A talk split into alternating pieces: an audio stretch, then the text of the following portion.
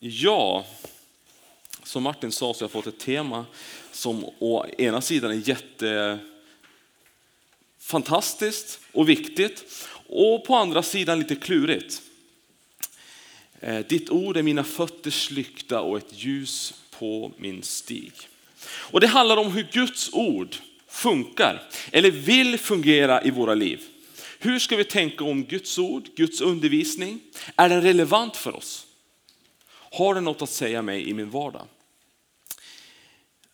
Och lite mer specifikt, hur är det med de regler Gud ger i Bibeln? Guds lag. Jakob skrev, mejlade mig här för en stund sedan och så sa han så här, men kan du inte ta upp lite om lagen? Jaha, tänkte jag. Mm. Eh, men så när jag förberedde mig för det här så såg jag en del nya grejer och jag såg hur, hur viktigt det temat egentligen är. Guds ord som vill vara ljus för våra fötter. Visa oss liksom den vägen vi ska gå. Det handlar om att hur vi ska vandra i det ljus som Jesus har fört oss ut i. Och så fick jag frågan om jag kunde ta upp lite exempel från eh, det gamla testamentet. Det ska vi göra nu. Ehm, vi ska ta några exempel nu här först från det gamla och det nya testamentet. Och så ska vi sen efter pausen se hur det här landar i våra liv. Okej, okay? är ni med så långt? Några nickar. Mm. Eh, Jakob skrev så här, jag citerar, känn dig fri att ta det du tror på och skippa annat. Och lite så tror jag det blir. Och jag vill säga det först också, är det någon här som, som får frågor eller tankar eh, kring det jag nu säger, eh, så kommer jag finnas tillgänglig här efter ja, nästa pass. Eh, och annars kan ni ta tag i mig ikväll, eh, där kommer jag hänga i missionstältet och jag är inte så farlig som jag ser ut. Även fast den danska tullen verkar, verkar tro det. De kommer alltid säga, var kommer du ifrån? Var kommer du ifrån? Ja, det, det är på grund av skägget, det är diskriminerande faktiskt. Ja, i alla fall. Vers, den versen som vi har som tema, den kommer från Psaltaren 119. Det är en lång psalm. Eh, där är temaversen vers 105. Ditt ord är mina fötters lykta och ett ljus på min stig.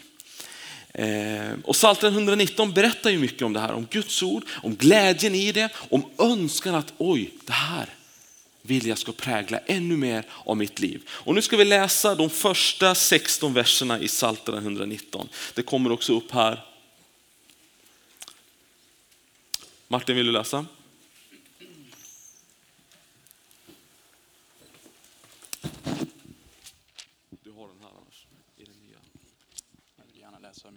Jag har ju inte glömt min bibel som en del har gjort. Eh. Saliga är de som vandrar i fullkomlighet, de som lever efter Herrens undervisning. Saliga är de som tar hans vittnesbörd i akt, de som av allt hjärta söker honom. De som inte gör det som är orätt, utan vandrar på hans vägar. Du har givit dina befallningar för att de ska hållas med all kraft. O, att mina vägar vore rätta, så att jag höll dina stadgar. Då skulle jag inte komma på skam när jag tänkte på alla dina bud. Jag vill tacka dig av uppriktigt hjärta när jag lär känna dina rättfärdiga domslut. Dina stadgar vill jag hålla, överge mig aldrig. Hur kan en ung man bevara sitt liv rent när han håller sig till ditt ord? Jag söker dig av hela mitt hjärta. Låt mig inte fara vilse från dina bud. Jag gömmer ditt tal i mitt hjärta för att jag inte ska synda mot dig. Lovad vara du, Herre. Lär mig dina stadgar. Med mina läppar förkunnar jag alla domslut från din mun. Jag jublar över dina vittnesbörds väg som över stora skatter. Jag vill begrunda dina befallningar och tänka på dina vägar. Jag har min glädje i dina stadgar. Glömmer inte ditt ord. Det var Guds ord till oss den här förmiddagen. Vi ber bara helt kort.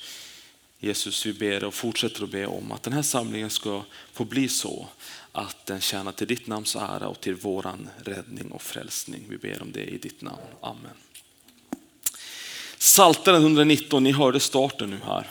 Ehm, och den, det är en lång sång som hela tiden kretsar det här, kring det här temat. I vers 81 så har vi längtan efter Guds ord. Då står det så här, min själ längtar efter din frälsning. Jag hoppas på ditt ord. Och i vers 72 så, så uttrycker den som skriver salmen hur underbart Guds ord är. Din muns undervisning, din lag är bättre för mig än tusentals mynt av guld och silver. I vers 49 så, så ser vi hur, hur Guds ord är en hjälp när livet är svårt. Tänk på ditt ord till din tjänare, för du har gett mig hopp. Det är min tröst i mitt lidande att ditt ord ger mig liv. Och så en av de verser som jag har liksom tänkt mest över i den här salmen, det är vers 89 där det står, för evigt Herre står ditt ord fast. Var då? Här, eh, bland oss på jorden där allt liksom verkar fara ändras och så vidare. Nej, i himlen. För evigt Herre står ditt ord fast i himlen. Den här långa sången kretsar hela tiden runt det här temat. Och det är viktigt. Och de här sakerna, en glädje över Guds ord, en önskan om att Guds ord skulle få vara den här lyktan för min fot som hela tiden visar vart jag ska gå. Det hoppas jag präglar också oss här inne. För Bibeln beskriver livet som en vandring många gånger. Och hur är liksom Guds ord den här vägvisaren för oss? Är Bibelns ord aktuellt för oss idag? Finns det något som kan lysa upp? Kan lagen vara en sån grej? En del människor tänker att Bibeln ger oss de här stora linjerna. Berättar om räddningen, frälsningen, vägen till evigt liv. Och ja, det gör den. Men så blir frågan, vad med mitt liv? Vad med min vardag? Har Guds ord något att säga där? För den som skriver psalm 119 är det helt klart att Guds ord är någonting för vardagen. Guds ord och Guds lag vill visa oss en bra väg och det är otroligt viktigt för oss. Viktigt för livet. Vi ska ta ett exempel från det gamla testamentet nu när, när eh, lagen liksom ges för första gången. Och då hoppar vi till andra Moseboken kapitel 19 och framåt där. För grejen är att Gud hade räddat sitt folk, Israels folket ut ur Egypten. Han hade visat folket vem han är. Att han är mäktigare än alla andra Egyptens gudar. Att han kan föra ut det folk som han har valt ut. Och det var ju en gäng slavar. Ut ur en militär stormakt, Egypten. Gud är den som kan rädda och det ska du höra därför att Gud är densamma idag. Det är ingenting som är omöjligt för Gud. Och så när Israels folket hade kommit ut ur Egypten och var på väg in i öknen så tänkte de när de hade blivit räddade, ja men nu är vi fria. En för oss kanske lite okänd Gud har befriat oss och det är vi tacksamma för såklart. Men vad nu? Vad vill den här guden egentligen med oss? Vad ska vi göra nu? Gud talar till våran ledare Moses, ja. Men vad med oss vanliga människor? För nu var de fria. De var Guds folk. Men det var inte nog för Gud att bara befria dem och sen släppa dem bara fritt helt i öknen. Han ville vara med sitt folk. Han ville ha en relation.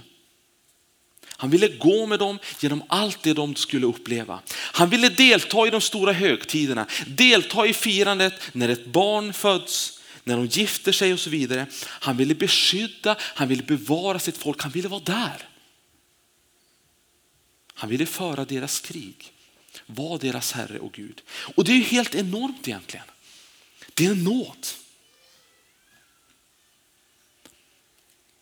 Vad hade israeliterna gjort för att förtjäna det här? Fint lite egentligen. Men Gud hade lovat Abraham, Isak och Jakob bland annat att han skulle ta sig av folket. Ta hand om det. Och det gjorde han. Moses säger så här i slutet av sitt liv. Det var inte för att ni var större än alla andra folk som Herren fäste sig vid er och utvalde er. Ni var tvärtom mindre än alla andra folk. Men det var därför att Herren älskade er och höll den ed som han hade svurit era fäder som Herren förde er ut med stark hand och befriade dig ur träldomshuset, ur den egyptiske kungens hand, ur faraos hand. Så ska du veta att endast Herren din Gud är Gud, den trofaste guden som håller fast vid sitt förbund och sin nåd i tusen släktled när man älskar honom och håller hans bud. Så är Gud. Det här ville han göra. Och han ville inte bara göra det från sidolinjen. Han ville vara med i matchen. Han ville vara den mest centrala mittfältaren. Han ville att Israels folket skulle göra ett tält så att han rent bokstavligen kunde bo mitt ibland sitt folk. Tabernaklet, det tälttempel som Israel skulle bygga sen, skulle stå mitt i lägret och det var Gud noga med att ge befallningar om. Han säger så här, och jag ska resa upp min boning mitt ibland er och jag ska inte avvisa er. Jag ska vandra mitt ibland er och vara er Gud och ni ska vara mitt folk.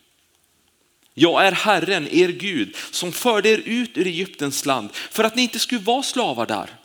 Jag har brutit sönder ert ok och låtit er gå med upprätt huvud. Allt det här vill Gud göra för folket i sin stora nåd. Sån är Gud. Han bara öser, öser och öser och öser. Gud är sån. Och det ska du höra och det ska du lära. Och det ska du räkna med. Inte bara på de lätta dagarna som kanske här, men också när det blir tufft i livet. Det ville Gud göra för folket i sin stora nåd. Det fanns bara ett problem. Och det var ett ganska stort problem. Israeliterna var inte änglar eller smågudar, utan de var människor. Och som alla människor, utom en, Jesus, så är de syndare. Gud är ren, perfekt, det som vi brukar kalla helig. Och liksom det och människor funkar inte helt ihop. Och därför vill Gud ge folket spelregler så att han kan bo mitt ibland dem och vara deras Gud som han ville. Han vill att de bygger det här tälttemplet, tabernaklet, så att det går att göra upp det som blivit fel. Gud ger israeliterna offerordningar så att de kan komma till honom och göra upp det som blivit fel och att det kan fixas igen för att de skulle kunna ha en relation. Han ger dem regler att förhålla sig till, lagen. Både de tio budorden och en hel drös av andra regler som skulle visa bland annat att Israel var ett speciellt folk. Det var Guds folk, det var Guds utvalda folk. Lagen skulle visa vad som krävdes för att Gud skulle bo mitt ibland dem som han ville. Vad Gud ville att folket skulle göra, det säger lagen också något om. Och lagen visar, och det är en viktig grej, hur Gud är. Lagen är också barmhärtighet och nåd. Och det återspeglar Guds väsen, så är han. Det fanns liksom en fara hela tiden att normalisera sitt förhållande till Gud. Ja men Gud han är, jo, han är ju där mitten någonstans. Nej. Lagen reglerar renheten och vad de ska göra för att Gud ska kunna bo mitt ibland dem. Det var helt speciellt. Det var ingen andra som hade det så. Och därför säger Mose, finns det något annat stort folk som har stadgar och föreskrifter som är så rättfärdiga som hela den här lagen som jag idag lägger fram för er? Lagen är uppenbarelse, den visar vem Gud är och vad han vill. Det är något fantastiskt egentligen, det är nåd. Det är oförtjänat. Det var inte bara en massa konstiga regler, även om vi på många olika sätt kan tycka det när vi läser för exempel tredje Moseboken. Gud ger inte regler för att vara en paragrafgranskare och liksom sen sitta i sin himmel och säga, hm, nu ska vi se vad det går, hur det går med den här regeln. Nu ska vi se om de klarar att hålla den här grejen och den här grejen. För lagen, de spelregler som Gud ger, det var gott för folket också. Lagen är tydlig på att de svaga grupperna i samhället, de skulle få rätt de också. Det var regler som gjorde att Israels folket de byggde sitt samhälle på något annat än de andra folken runt omkring. Gud ville att det skulle fungera, både människor emellan och mellan människor och Gud. Och en av de intressanta sakerna som jag har tänkt på de sista åren, det är just det här. Hur lagen, de regler som Gud ger, riktas och speciellt kanske mot de som har det svårt. Lagen dikterar solidaritet och hjälp till de grupper av människor som är utsatta på olika sätt och har det svårt. Svårt ekonomiskt, svårt socialt.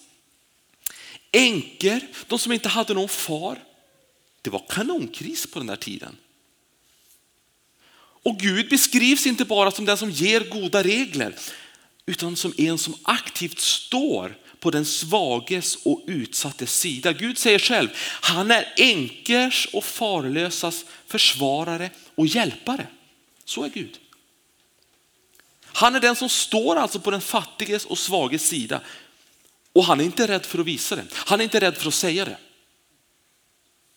Och så har jag tänkt så här, och det tror jag är en viktig fråga. Om Gud är så, om han står på den fattiges och svages sida, är jag också på den sidan då?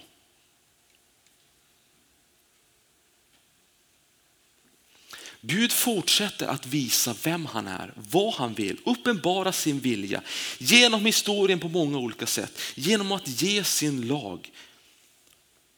Och en annan av de gamla testamentliga parallellerna som vi ska prata lite om, den hittar vi i andra kungaboken, kapitel 22. Och att läsa andra kungaboken, det är ganska deprimerande faktiskt. Det ser ut som att det bara går ut för och det gjorde det i och för sig också. Men det finns några undantag. Och ett av de undantagen har vi här, det är kung Josia. Han blir kung när han är åtta bast bara, åtta år. Men hans hjärta är vänt mot Gud. Och när han är 26 år så bestämmer han sig, nu måste vi göra någonting med det här templet som står här mitt i Jerusalem. Vi måste börja renovera upp det. Det kan inte, det kan inte hålla på att förfalla så här. Och när de börjar renovera och börjar liksom damma av alla de här gamla förrådsrummen så hittar de i en kruka, vad hittar de? En rulle. Och vad var det i den rullen? Jo, det var lagboken med stor L. Den hade varit bortglömd, den hade varit gömd någonstans i ett förrådsrum. Och så hittar de den och bara, oj vad är det vi har hittat här? Det är ju lagen. Det är ju det som Gud säger hur vi ska leva och vi ska göra. Och så blir de rädda. Och så kommer kungens skrivare och översteprästen och så vidare. Och så, Men se vad vi har hittat. Och så läser de det för kungen. Och då står det så här i vers 11. När kungen hörde lagbokens ord rev han sönder sina kläder. Och det var ett tecken på sorg, förskräckelse. Är det så här det är? Och kungen befallde prästen Hilkia och Ahikam Safans son och Abkor Mikajas son och skrivaren Safan och Asaja kungens tjänare och sa gå och fråga Herren för mig och för folket, ja för hela Juda om det som står i denna bok som man nu har hittat. För Herrens vrede är stor därför att våra fäder inte har lyssnat till vad som står i denna bok och inte har gjort allt som är föreskrivet för oss. Och så går kungens tjänare till en profetissa, en, en tjejprofet som heter Hulda och bodde i Jerusalem. Och så säger hon det, jo men det är Guds lag ni har hittat. Och det är sant att Gud vill att ni ska följa de här spelreglerna. Det är gott för er, det är bra för er. Och det var ju det som skilde Israel från alla andra folk. De var för speciella.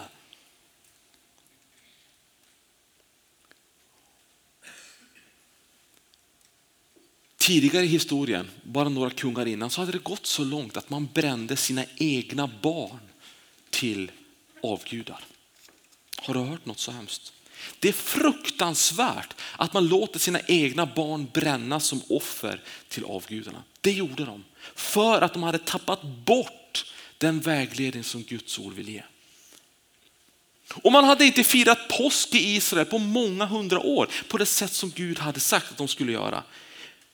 Och så tänkte kung Josia, det här funkar inte. Och så drar han igång en gigantreformation. Han slänger ut alla de här gamla avgudarna som stod i templet, i Guds tempel. Där hade de satt avgudar.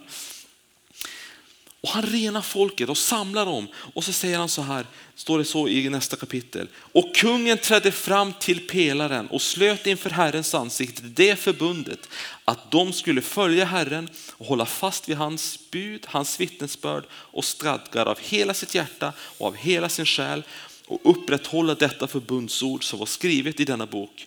Och allt folket trädde in i förbundet. Det blir en ny start. Och det säger oss någonting om lagen. Som något viktigt, som någonting som Gud har gett. Och genom Bibelns bok går det liksom en tacksamhet och en glädje över den. Och samtidigt som Bibeln är fullständigt klar och, och visar liksom vad som händer om man tappar bort den här vägledningen. Det här ljuset som, som Guds ord vill ge där vi går. Det blir tragiska grejer som följer. Och därför så skickar Gud sina profeter som hela tiden försöker att liksom kalla folket tillbaka till sig. Sluta hålla på att sälja den fattige för ett par skor, säger profeten Amos. Profeten Amos, den boken ska ni läsa, den är otroligt raddis och det är därför jag gillar den. Sluta hålla på att sälja den fattige för ett par skor. Sluta tänka så här i er hjärtat, ja men när är sabbaten slut så att vi kan börja fuska med våra vikter igen och börja sälja säden för dyrare än den egentligen är och så vidare. När ska vi kunna få bluffa igen? Sluta med det säger Guds profeter. Tillbaka till Gud, tillbaka till relationen med honom, tillbaka till hans undervisning. Vi hoppar lite fram. På Jesu tid så fanns det väldigt många olika judiska grupperingar. Den kanske mest kända är fariseerna och de kanske är mest kända därför att de är i polemik, i motstånd med Jesus ganska många gånger. Och det var en grupp olika människor som la stor vikt på Guds regler och Guds lag. De studerade den för att veta hur den skulle gälla just för vardagslivet. Och då var det speciellt de här reningsreglerna, att man skulle tvätta händerna före man åt mat, att man skulle hålla sabbaten som blev viktigt. De ville vara en motpol mot allt det andra som var runt. De ville verkligen leva som Guds, Gud ville. Lagen blev det som styrde hela deras liv.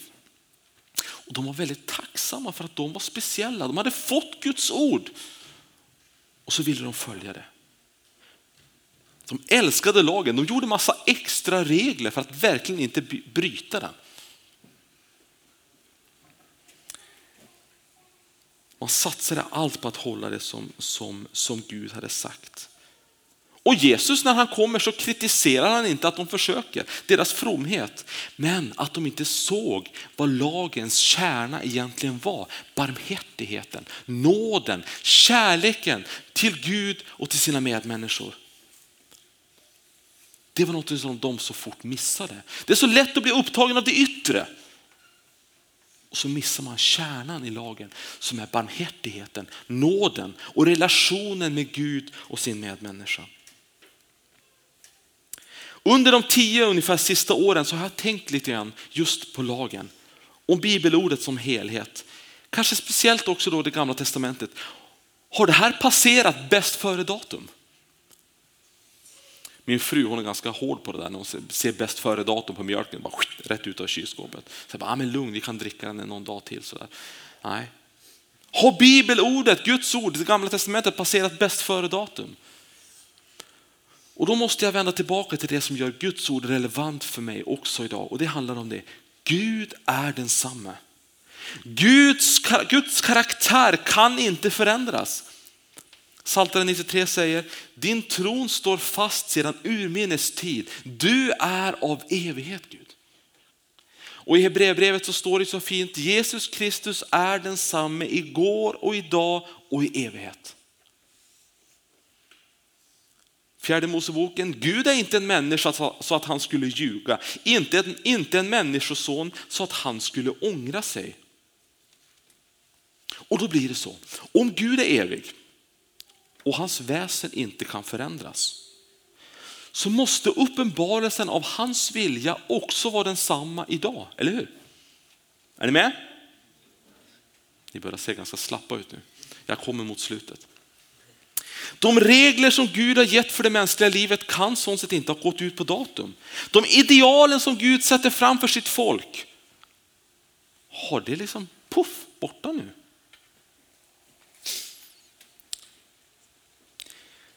Första Johannesbrevet så står det så här. För lagen gavs genom Moses, nåden och sanningen kom genom Jesus Kristus. Ingen har någonsin sett Gud.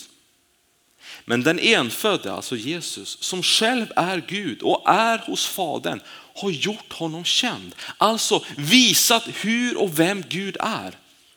Jesus visar det långt utöver det som lagen kan göra. Jesus är den fullkomliga bilden av Gud. Och när vi pratar om Jesus och lagen så kan vi fortsätta upp dem emot varandra och tänka att ja, men när Jesus kom så slutade han med allt det där laggrejen, nu är det bara kärlek och nåd och lite sån här hippiekänsla, eller hur? Vi röker på och har det bra med varandra. Är det så? Nej. Jesus säger så här, tro inte Kanske är vi någon som tror det. Tro inte att jag har kommit för att upphäva lagen och profeterna. Jag har inte kommit för att upphäva utan för att uppfylla.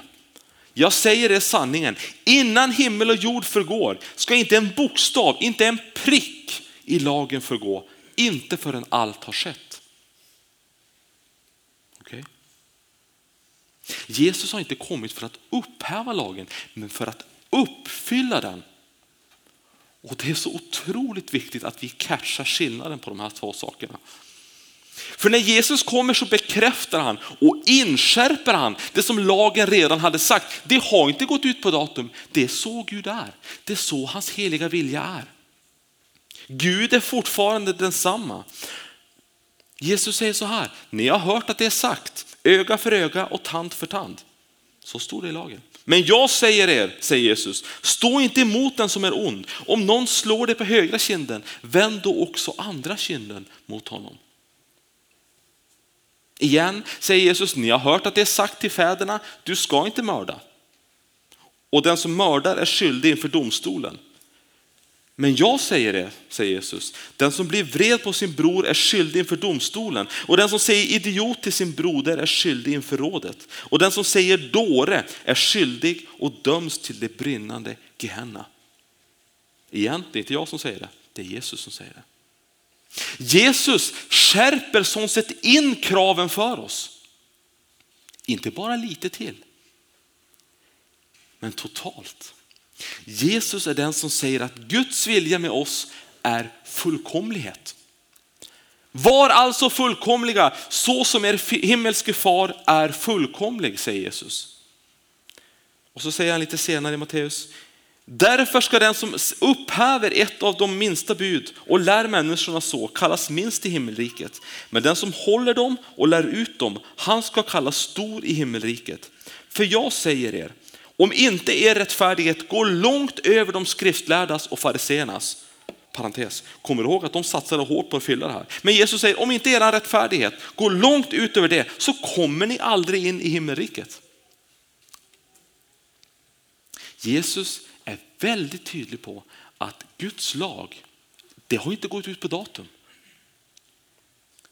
Och hur skulle det kunna gjort det? Eftersom Gud och hans väsen är evigt, han är alltid densamme.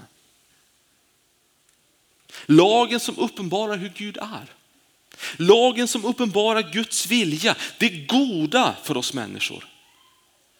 Igen, Gud ger oss inte lagen för att vara, som man säger på Norge, sheep, gnien, en sur rumpa. Liksom.